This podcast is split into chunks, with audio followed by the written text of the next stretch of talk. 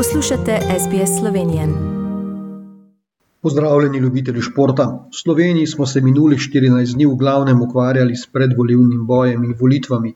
Še dobro, da imamo šport, kjer Slovenci hitro stopimo skupaj in pozabimo na različne politične poglede. Po minulih 14 dneh je bila pri športu v spredju košarka. Najbolj zaradi Luke Dončiča, ki je svojo ekipo Dallas Mavericks v ligi NBA prvič po letu 2011 popeljal med osem najboljših ekip lige ter v konferenčni polfinale.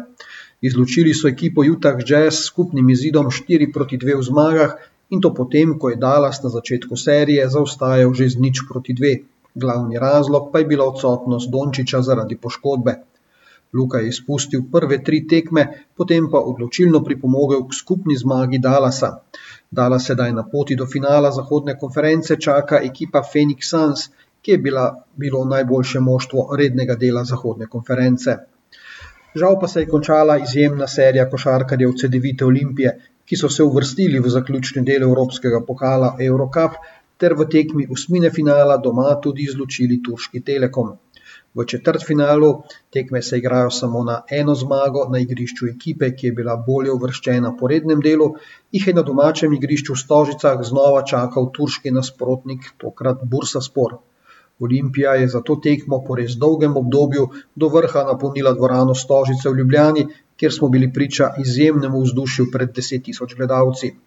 Tudi tekma je bila izjemna, končala pa se je z dramatičnim zaključkom, v katerem so bili gostje boljši za en sam koš. Ljubljančani bodo sedaj pozornost in odlično formo usmerili v končnico Jadranske lige, kjer si želijo nastopiti v finalu. Veliko zanimanje so v mesecu aprilu požele tudi belgijske kolesarske klasike, na katerih pa nismo dočakali kakšnih presežkov slovenskih kolesarjev. Primoš Roglič je zaradi poškodbe izpustil večino dirk, tadej Pogačar in Matej Mohorič, ki nista nastopila na vseh, pa tudi nista bila ravno v spredju.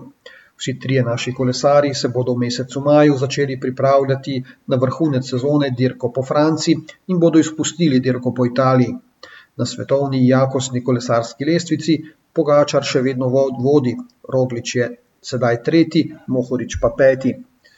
V prihodnjih dneh bomo v Sloveniji spremljali svetovno prvenstvo v hokeju na ledu divizije 1, kar pomeni drugega elitnega razreda. Nastopile bodo reprezentance Slovenije, Litve, Mačarske, Romunije in Južne Koreje. Prvi dve reprezentanci ob koncu turnirja se boste uvrstili v elitno skupino za prihodnje leto in naši sodijo med favorite za ta uspeh. Reprezentanci žal ne bo mogel pomagati naš prvi zvezdnik Anžej Kopitar, ki se je s svojo ekipo Los Angeles Kings uvrstil v končnico lige NHL. Izjemno pa sezono nadaljuje motokorsist Tim Geiser. Na šestih dirkah sezone je namreč kar petkrat zmagal, ter ima sedaj v skupnem seštevku vseh voženj kar 66 točk prednosti pred najbližjim zasledovalcem. Za konec še k nogometu. Državno prvenstvo v nogometu bo morda že danes odločeno. Do konca so sicer še štirje krogi, vodilni ekipi Maribor in Koper, ki jo sicer loči le točka, pa se bosta danes srečali v Ljudskem vrtu v Mariboru. Zmaga katerekoli ekipe bi le tej na stežaj odprta, odprla vrata do naslova državnega prvaka. To je bil pregled najbolj zanimivega športnega dogajanja v Sloveniji v minulih 14 dneh.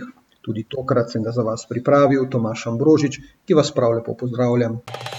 Želite slišati sorodne zgodbe? Prisluhnite jim preko Apple ali Google podcasta, preko aplikacije Spotify ali kjerkoli drugje.